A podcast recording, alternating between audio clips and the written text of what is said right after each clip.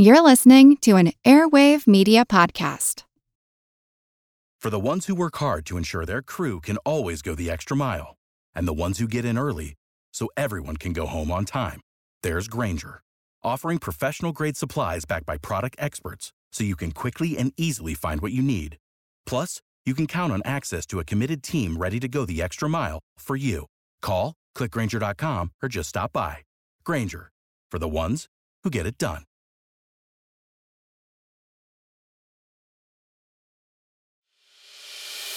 As a longtime foreign correspondent, I've worked in lots of places, but nowhere as important to the world as China. I'm Jane Perlez, former Beijing bureau chief for the New York Times. Join me on my new podcast, Face Off US versus China, where I'll take you behind the scenes in the tumultuous US China relationship. Find Face Off wherever you get your podcasts. This is Kick Ass News. I'm Ben Mathis.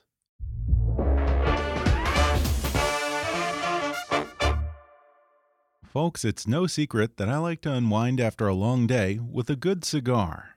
If you ask me, it's one of the simple pleasures in life. But there are just so many brands and types of cigars out there that it can be a little intimidating. How do I know the difference between a torpedo and a corona? And is a Cuban cigar really so much better than a Dominican, or is it all hype? That's why my indispensable resource for cigar information is Puro Trader. Puro Trader is like one of those travel sites that searches the web for the best deals, except instead of flights, you're searching for cigars, from everyday cigars for the casual smoker to the rare sticks for collectors. Now, one thing I hate is to waste good money on a cigar I don't enjoy. I want to know what I'm getting into, so I love that Puro Trader takes the guesswork out of it for me by letting me compare different cigars and get recommendations before I buy. And it's all in a community setting where you can ask questions and read real reviews. Visit PuroTrader.com and use promo code NEWS for a chance to win a day at the Porsche Racing Experience in Los Angeles or Atlanta. That's PuroTrader, P U R O T R A D E R.com Code News. And now, on with the show. Hi, I'm Ben Mathis. Welcome to Kick Ass News. Five years ago, New York Times bestselling author Brad Meltzer grew tired of his kids' obsession with reality TV stars and people who were famous for being famous. From his love of history, Brad knew there were better heroes for his children to emulate, and he decided to write about them. Now, what originally began as a passion project has become today's leading and best selling picture book biography series, Ordinary People Change the World. With more than 3 million copies in print worldwide, the acclaimed biography series features stories about famous historical figures from around the world, including Abraham Lincoln, Rosa Parks, Martin Luther King Jr., and Neil Armstrong, among others. Now he's adding two new heroes to the collection with I Am Marie Curie and I Am Walt Disney. And today, Brad returns to the show to talk about the qualities he looks for in heroes for his children, and he also reveals who his own childhood heroes were. He says he puts just as much historical research into his children's books as he does into his best selling political thrillers, and he explains why it's important to show that even famous historical figures started out somewhere and had role models of their very own. Brad discusses why his illustrator, Christopher Eliopoulos, draws characters like Einstein and George Washington as children instead of adults. He talks about the new PBS TV series based on his books and how it's a dream come true for a man who grew up on Mr. Rogers and Sesame Street.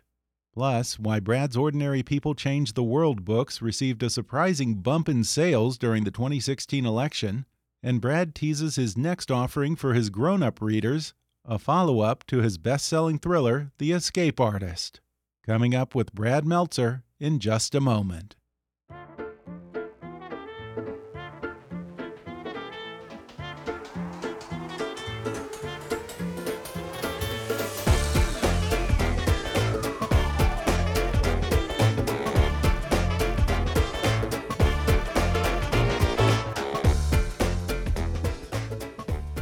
Brad Meltzer is the author of best selling suspense novels like The Escape Artist and The Inner Circle, as well as his recent nonfiction book, The First Conspiracy. and he's the host of the History Channel television series Brad Meltzer's Decoded and Brad Meltzer's Lost History. He's also the author of the popular Ordinary People Change the World series of biographies for children. Brad's children's books have sold over 3 million copies worldwide, and now he's out with two new additions to the series titled I Am Walt Disney and I Am Marie Curie. Brad, welcome back to the podcast. Good to be back. I like, you know, when you go back somewhere, it's the one. Usually, I don't get invited back many places, right? Oh, really? wreck the place, right? No, no, I'm teasing. But when you come back, it actually is is, is much nicer than than just going and hopping around. So thank you. yeah, yeah. Well, it's great to have you back, and and this is kind of a little bit different from the usual conversations because we're talking about children's books, and I, I looked through these. They're just delightful, and there's actually a ton of stuff that even I didn't know. I'm interested in how you started this series, Brad. I understand that it had something to do with your own children. Is that right? Yeah, so I was tired of my own kids looking at people who are famous for being famous and thinking that that's a hero. Mhm. And what I want to do is give my kids heroes of character and generosity and kindness and compassion. And of course, you know, hard teach them how to hard work hard and, and stay humble. And we started with my daughter. I, you know, I wanted to teach her about Amelia Earhart. And I told my daughter, Amelia Earhart flew across the Atlantic Ocean. And my daughter's like, big deal, Dad. Everyone flies across the Atlantic Ocean. Like, she was totally not impressed. But if I tell my daughter, and this is true, that when Amelia Earhart was seven years old, she built a homemade roller coaster in her backyard. and she took a wooden crate, she put roller skating wheels in the bottom of the wooden crate. Really? She shoves the crate to the roof of her tool shed. She puts two, you know, pieces of wood on the side, comes flying down the side, which she greases with lard to make sure she's going fast enough, goes flying through the air. The whole thing crashes and burns. and Amelia Earhart gets up and is like, that was amazing. And, and Amelia Earhart later said that feeling she had when her stomach bottomed out from under her was a feeling she wanted back again. Wow. And that's the first time. It's the first time Amelia Earhart ever flew. She was seven years old, and I tell my daughter that, and my daughter's like, "Dad, tell me more of that one." And that's the secret of the series: is is we meet our heroes when they're kids. So we started with I'm Amelia Earhart and I am Abraham Lincoln. We did I am Rosa Parks and Albert Einstein. My son loves sports. So for him, I said, you know what? Forget a millionaire sports hero. Here's meet this guy. His name is Jackie Robinson yeah. and we did I we did I am Lucille Ball because I wanted my daughter to have a female entertainment hero who wasn't just famous for being thin and pretty. hmm That Lucy stood for the idea it's okay to be different. And we did I am Helen Keller where the pages of the book go black when she goes blind. It says here's how I see the world. And then we put real braille in the book. It says feel these dots. This is my name. What's your name? And I watched my 17 year old son, who's obviously too old. For, you know, these are illustrated biographies for little kids. But my 17 year old son was reading Helen Keller with his hands on the book, on the braille, and his eyes closed. And he turns to me and says, Dad, this one's actually good. And I'm like, what's wrong with the other ones? Right? you know, I'm like, but, you know, the, an amazing thing happened with this series as the 2016 election approached. And what it was is that as Donald Trump and Hillary Clinton were beating each other's heads open every day on TV, uh, two of our books started selling more than any others. And they were I Am George Washington and I Am Martin Luther King Jr. Wow. And it wasn't a, it wasn't a Democrat or Republican thing. It was that parents and grandparents on both sides were tired of turning on the TV and showing their kids politicians when what they wanted to show their kids were leaders. And we all know there's a huge difference between a leader and a politician. So I love the fact that people use our books now to fight back against the divisiveness that we see in society. And I take these books, I- you know, I go on Fox News and I go on CNN.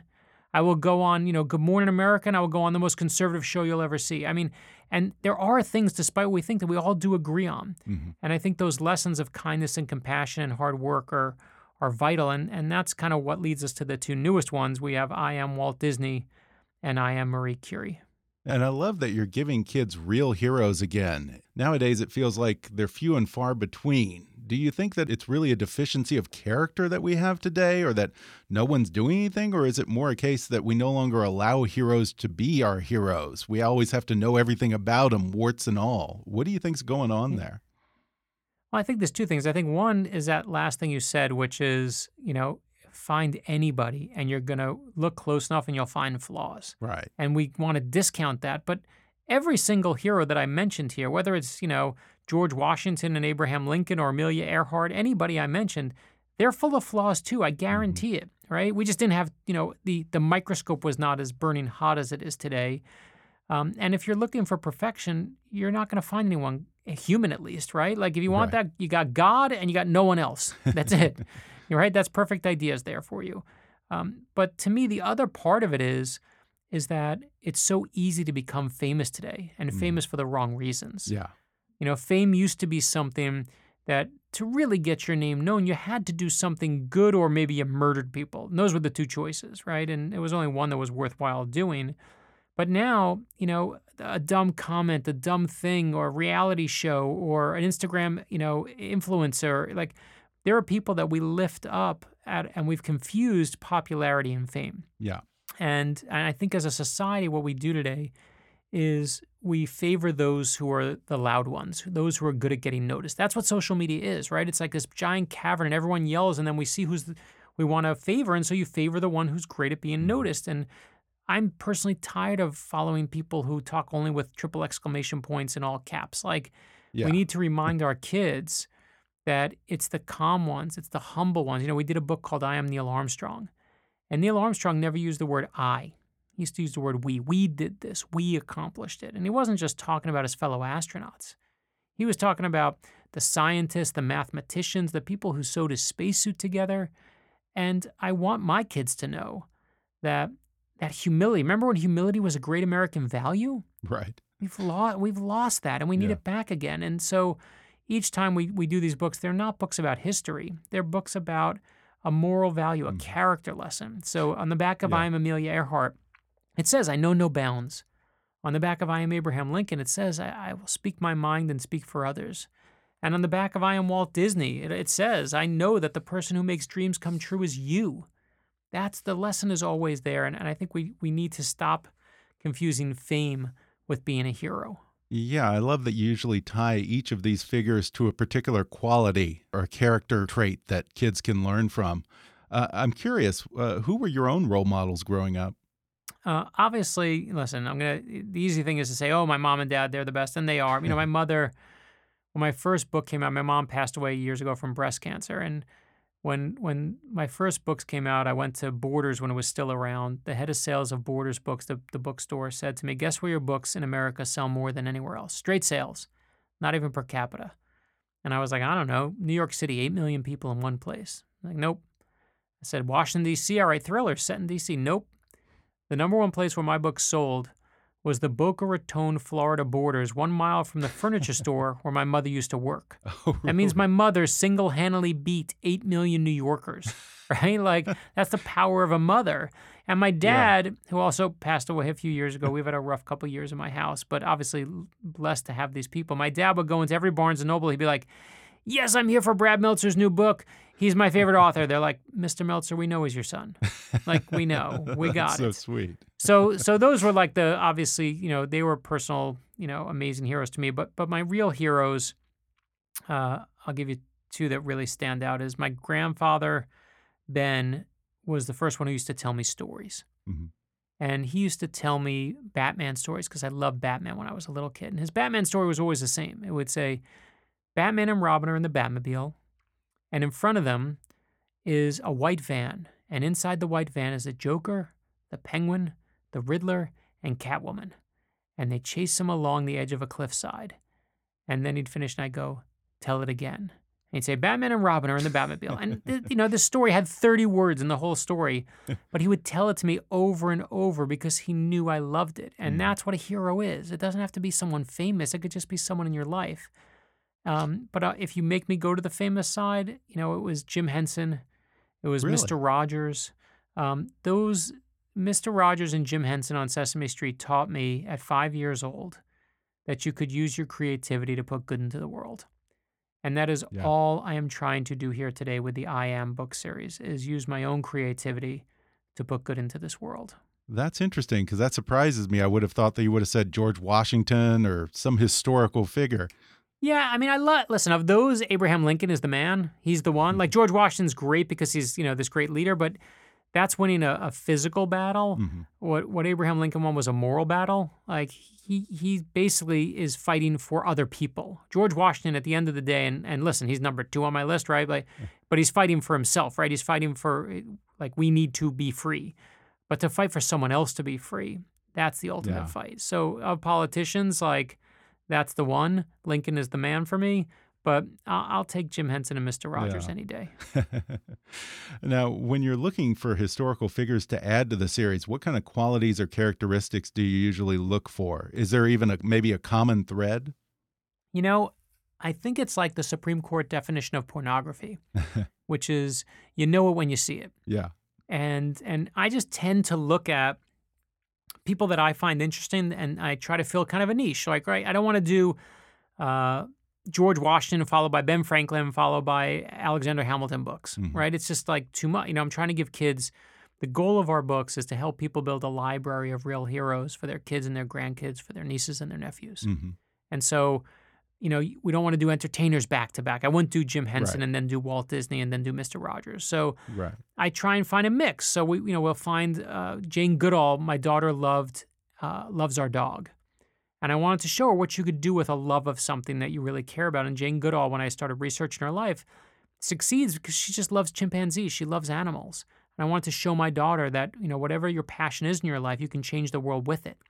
So I tend to look at my own kids and kind of look for what I think they need, and then try and find some merger of people that can help me kind of give that moral lesson without Right. hitting them over the head with a hammer. Right. And I like that they cover a diversity of fields because kids have a diversity of interests. One particular kid may not be all that interested in George Washington or being president, but a book on Walt Disney, if he's particularly artistic, might really speak to him.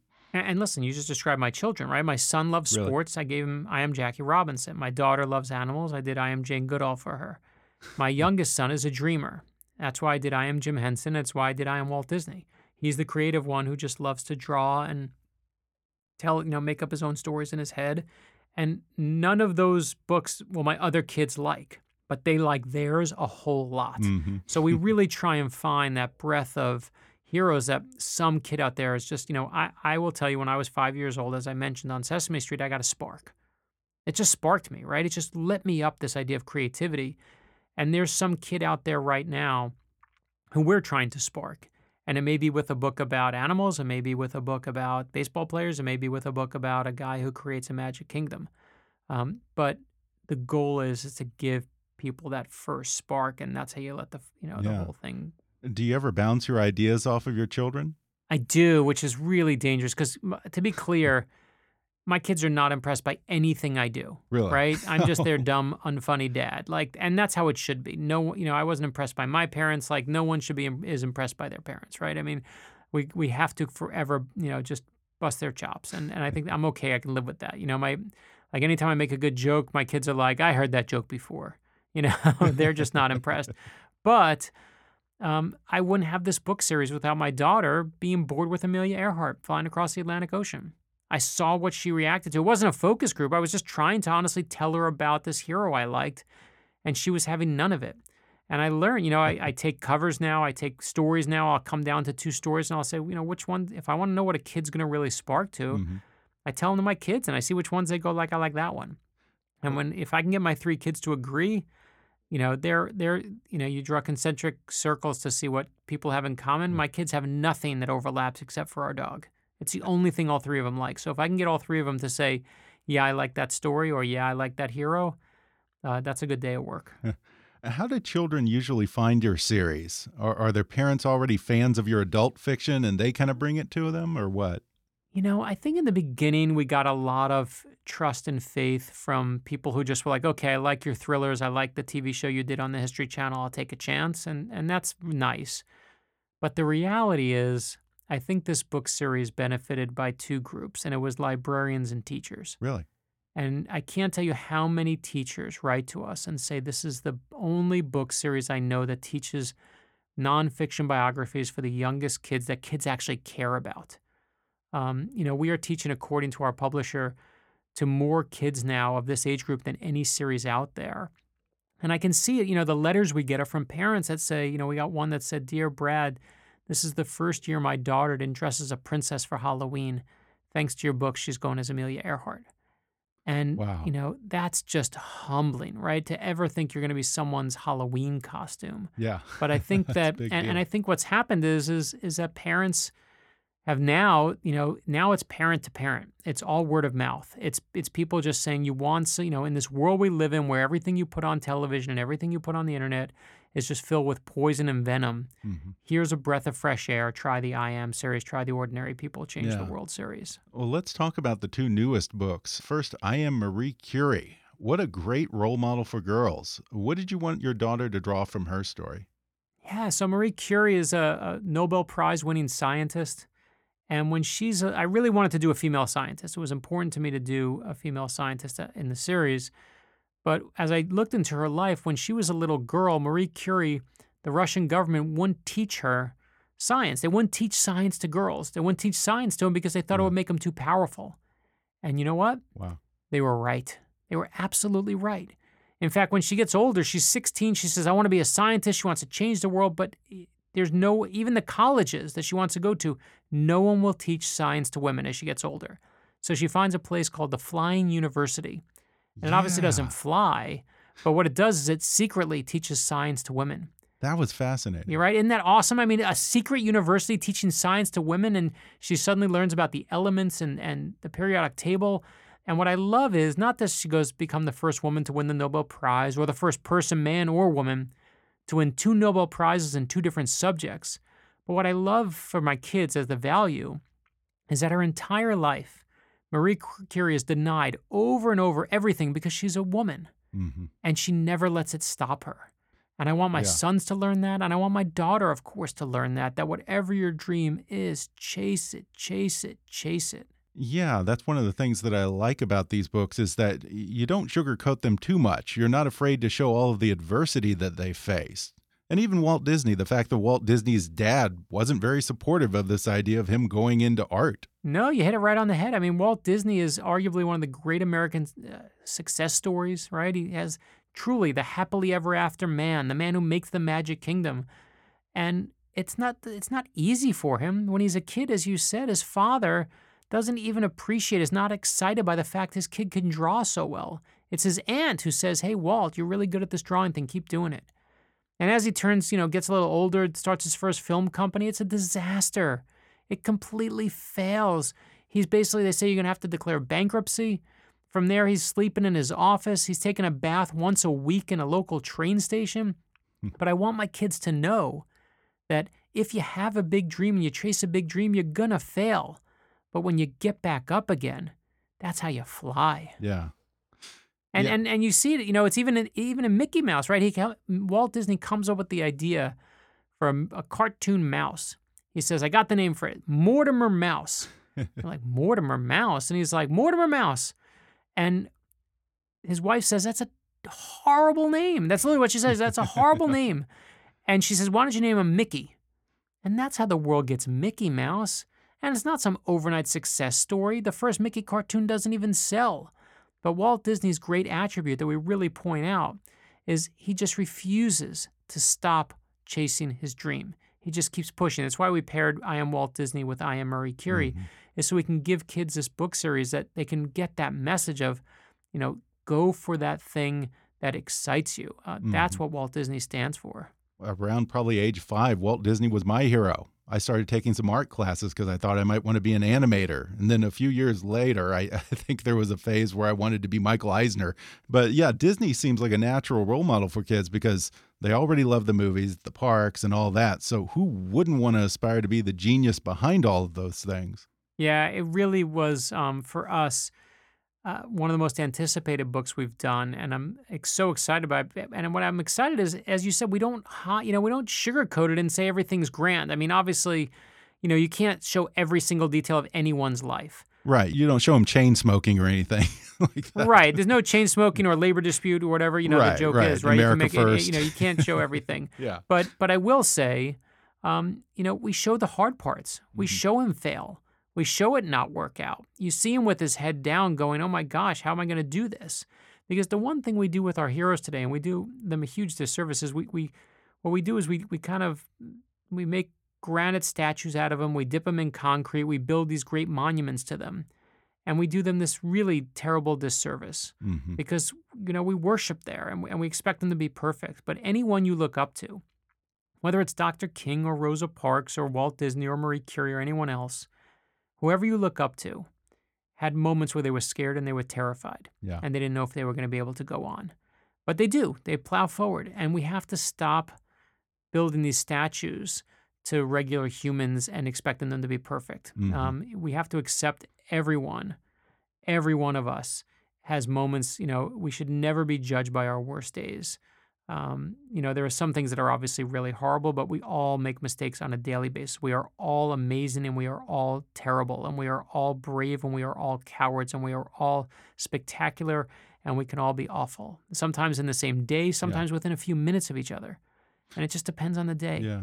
You actually show some of the heroes that inspired the heroes, and then you show some of the people who were later inspired by them. I, I just like that a lot because I think it's so important to show that no one is just born Abraham Lincoln or Albert Einstein. Here, um, heroes right. can I be mean, that's the thing incredibly is people, right, we, our, our thing, it's called the Ordinary People Change the World Right. series. And people always say, like, you know, Abraham Lincoln's not ordinary. I'm like, yes, he is. He absolutely is. He's born with nothing. He reads books about George Washington when he's little, and he's like, that sounds awesome. he reads books about Benjamin Franklin when he's little. He's like, that sounds awesome. Like, that is, it, yes, and what he did is eventually spectacular, but he's born just like the rest of us. No one you look up to is born a hero. No one is born amazing. You know, you may have people who, like Albert Einstein, are, are certainly have something in their brain that makes them really smart. But that doesn't mean you dedicate it to good or to helping people or to, you know, do anything amazing with it. You can do whatever you want with it. But to me, that's the thing we have to get through our heads is that everyone is born the same. Mhm. Um, and and you know, we have abilities and we have loves and we have passions. But if you want to look at, you know, we're now 18 and 19 books in this series. Wow. The one thing all of them have in common is that every single person that's successful is doing what they love. That's why they don't stop doing it. Yeah. It's because they just are, it's them, it's everything they are, whatever it might be geared toward. I understand that the Disney one is particularly close to your heart because you live in Florida, not far from Disney World, and don't you have some kind of an annual family tradition? Yeah, so we we do have this tradition. I love you for this. So, as you said, I live in Florida, so we've had this tradition since my kids are little, where what we do is we take uh, once a year during carpool, as I'm driving the kids to school, instead of going to school, we drive past the school and we drive straight to Disney World. And the kids every day are like, "We're going to Disney World. We're going to Disney World." Like they're excited every day. But the reason I do it is to remind them that every day you can find magic in your life. hmm And that's what Walt Disney stood for for me, right? That's the ultimate magic trick is, you know, finding your happy place. Right? Think of the happiest things, it's the same as having wings. It's the Peter Pan line. And it's no surprise that when Walt Disney was younger, a play came through his town called Peter Pan. And it became one of his favorites. And he, you know, loved doing that show. He said no one was more committed to the role when he played Peter Pan as a little boy. And I love that his whole life he just spent trying to find his own happy place. So that tradition runs Yeah. through and deeply in our family, and and I love the fact we in fact just recently went because we went we, we did it this year instead of going to Disney World we went to we went to Disney World but it was Star Wars Land we went to the Galaxy's Edge Oh, cool. and instead of going to the the Magic Kingdom we went to the Millennium Falcon but I felt like that was a good trade. Yeah. How is that? I haven't been yet. Uh, it's listen, it, just follow the crying middle-aged men, and you will find the Millennium Falcon at the center of the park. I mean, that's it. It's the Millennium Falcon. Yeah. The Millennium Falcon, full size, right there. That's how it is. That's the review. That's all you got to write. The Millennium Falcon is there, and you can go see it. And there is a X-wing fighter, and there is, you know, it's crazy. It's bananas. And Yeah. you know, there's a there's a land speeder that you got to go find because it's like hidden. And you know, of course, just being, you know, whatever, Yeah. the middle-aged crying man. Like I'm like, well, let's see. Did they put something below it to kind of keep it standing, like look like it's flying? And when you get down on your hands and knees to look, there's nothing there. They like purposely did it so that like wherever's holding it up, you can't see. Which I'm like, of course they did. That's how it has to be. Yeah. Were you a big Star Wars fan? I, I imagine you and I are about the same age. And I think the first Star Wars movie was pretty much the first movie I ever saw. Oh, I was seven years old when the first Star Wars movie came out. I can tell you there are three movies where I know I sat in the theater. Yeah. I can tell you like physically they seem like exactly where I sat in the theater in terms of like what section of the theater. and Star Wars was one of those. And I will, I mean, I watched it. It was one of those life changing experiences for me. And uh, I, in fact, got to take my kids to Pinewood Studios when they were filming Solo and Last Jedi. Wow. I actually got to take them to uh, to go see the filming. And you know they take us and they take us in the back. You got to sign away, you know, disclaimers and and and you know secrecy documents that they'll take one of your children, you know, whichever one you like the least, they'll take. Um, but they, you know, Yeah. they're like, "Do you want to see R two D 2 I'm like, "Yes, I would like to see R two D 2 They want to see Chewbacca? Yes, I'd like to see Chewbacca. And and eventually we go into this room that's an armory, and the room is like filled with guns that clearly look like you can arm a legion of stormtroopers with. And they said to my youngest son, um, "What's your favorite lightsaber?" And because he's a little kid, he's like Kylo Ren.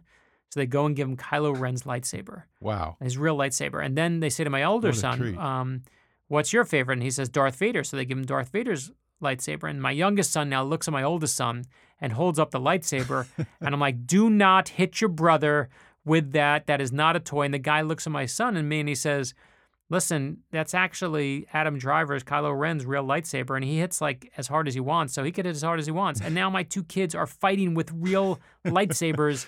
In you know, it was the most incredible Wow. experience. So That's incredible. um, I, I can't top that one. That was that was Yeah. my one of my favorites as a dad. yeah, I'd be like, don't worry about hurting each other. Just don't damage those. Those are probably worth like five hundred thousand Yeah, I dollars. didn't care about them. I was like, don't break the lightsaber. It wasn't. It was. There was no safety of my children involved with that moment. It was literally like, don't break the lightsaber. I have one question regarding the Disney book here. The Disney Copyright Enforcement Police are famously litigious. How in the world did you get permission to print the image of Mickey Mouse and Snow White? Um, you know, the the people at Disney were amazing with this book. We had worked Really? with them before when we did I Am Jim Henson because they own the Oh, rights to the Muppets yeah. and Kermit the Frog. And um, the truth is, is I, they know what our mission is, and they see our mission is to give kids real heroes to look up to, and they work with us to figure it out. Um, and they love this book. They they we gave us access to the archives. The archivist in the Disney archives was they were proofing this and and showing me things and giving me references and giving Chris Eliopoulos, our amazing artist, references. So we got to, you know, we said we can't tell the story without Mickey and Minnie and Pluto and Goofy. You got to show the everything, right? You got to show Winnie the Sure. Pooh and Peter Pan and Snow White, and um, and that was what we were thrilled about. We it was Yeah. obviously getting permissions, getting all the licensing taken care of. It took probably an extra year of work to pull it off, but it made the book. When you open this book, and you see the Magic Kingdom, and you see everyone from the Country Bear Jamboree to Pluto and everyone else, uh, that's the reward. Now tell us about Christopher Eliopoulos, who does all the artwork. How did the two of you work together as author and illustrator? What's that process like? Yes, you know, so I want my kids off their phones. I Mhm. want my kids off their screens. But the only way you're going to make that happen is if you give them something that's better and more interesting to look at. And that Chris is our secret weapon. His art style is like a combination between Charlie Brown meets Calvin and Hobbes. Kids just love it. They love what he draws. He's the secret weapon. They're like, "Oh my gosh, I love how this looks." And if it doesn't look good, they're not going to read it. If it looks like a boring history book, they're never going to go through it. But when we do it with Chris's art, uh, kids just spark to it. And so I always wind up writing the book first. Uh, I literally write page by page everything that should appear on the page, even down to the angle it looks at. The angle should be on the ground. The camera's on the ground. We're looking up at Amelia Earhart like a worm's eye view, so we can see the whole sky above her. So it's this massive, beautiful shot. And I, you know, tell myself how artsy I am and how wonderful my description is. And then Chris, when he's really smart, completely ignores me and draws what he wants. Um, but obviously, uh, it's this incredible team effort, and we just, you Mhm. know, now so many books into this series, uh, into this library, we really understand kind of how to work with each other, and and so it's just it's a perfect pairing. Yeah, yeah, I'm a big fan of how he does it like the Peanuts characters. You know, they're drawn as children because let's face it, when you're a five year old kid, adults can be pretty intimidating. Yeah, no, well, we realized, you know, when we did the first book, I Am Amelia Earhart, our editor said, you know, when Amelia Earhart gets older, we want to see her get older. You have to draw her older. And I was like, don't do it. They're like, can we just see it? So, sure enough, as she gets older and flies her plane, Chris drew her older. And every kid was bored to tears. Mm. They had no interest in reading anymore. But when we kept her as a little five year old girl, seven year old girl, kids were like, oh, she's just like me. And that's again the whole point. these aren't the stories of famous people. This is what we're all capable of on our very best days. Now, everyone knows that you're a big history nut, and I know that your political thrillers are meticulously researched. Is it the same with the children's books? What kind of research goes into these? Yeah, listen, uh, I get 40 pages to tell a story in a kid's book, but we go through thousands of pages to do the research because you have to. I mean, you know, the one thing we, we just shouldn't do to our kids, and we do them a huge disservice when we do, is lie to them. You, you know, we can tell you, yes, Abraham Lincoln had it so easy and he's just, you know, thought of great things, or George Washington, we just dreamed of democracy and held hands and everything was grand. Like, it's just not how it was. If it was easy, why would anyone do it? Then there's no reason to be, there's nothing special about it. Mm-hmm. But when you take the time and find and show them that George Washington lost his first election, that Abraham Lincoln lost eight elections, or to find that, you know, Walt Disney went bankrupt, you know, they told me he was going to declare bankruptcy um, and and that Mickey Mouse, the first cartoon, didn't sell. Now kids are like, oh, oh, that you know, that's okay to fail. Like, and and, and you're going to. And I think we have to teach our kids. You know, we, we're so precious with them. We want to wrap them in bubble wrap so nothing happens, but they learn nothing from that. I guarantee you, one of your best lessons in life is when you fall off the bike, not when you're on it. Absolutely. And and I just think you know, to me, we just have to keep uh, pushing that. That's the that's the important part of it. Now, I have to mention that these books are also being turned into a wonderful television series for PBS called Xavier Riddle and the Secret Museum. What can you tell us about it? Yeah, so they are taking the I Am book series, the Ordinary People Change the World book series, and we are making a TV show on PBS. It's called Xavier Riddle and the Secret Museum, as you said. It is about a boy named Xavier, his uh, sister Yadina, their best friend Brad, who is the most handsome cartoon character you've ever heard in the whole planet and never seen. Um, they gave me hair when they made me into a little cartoon. But what happens in the each episode is um, it, they they have a problem, like they're being bullied, and they go to their secret museum, which is a time machine. They go back in time. They meet Rosa Parks. Rosa Parks teaches them how to deal with bullies, and then they come back to the present day, and then they deal with the bully. And every episode on PBS of Xavier Riddle uh, uses the same art style as the I Am book series and that same moral va- value lesson so that we can give kids character, so they can find a social emotional lesson that they can learn from. And it launches November 11th, which is 50 years and one day after Sesame Street premiered all those years ago. So no pressure for us. yeah, I mean, that must be really exciting for you if you were so heavily influenced by Mr. Rogers and Sesame Street to finally be doing a show at PBS like this. Uh, it is. I mean, I when when I saw we just did a, a big event for PBS where we presented it to every PBS station, and I said to them, you know, I owe you a huge thank you, because when I was five years old, uh, I I got lit up by what you put on the air, and what I love even more is that I hope that watching our show or reading the books, as I mentioned, that there's some kid out there that gets lit by that, and that 40 years from now that there's whatever podcasts are then, you know, they'll they'll be like you and me, but they'll be talking in flying cars. Um, but whatever that is, 40 years from now, that kid's going to be telling, talking about their new TV show that they got mm-hmm. inspired by, and her show's going to be spectacular. Yeah, and I can't wait for that.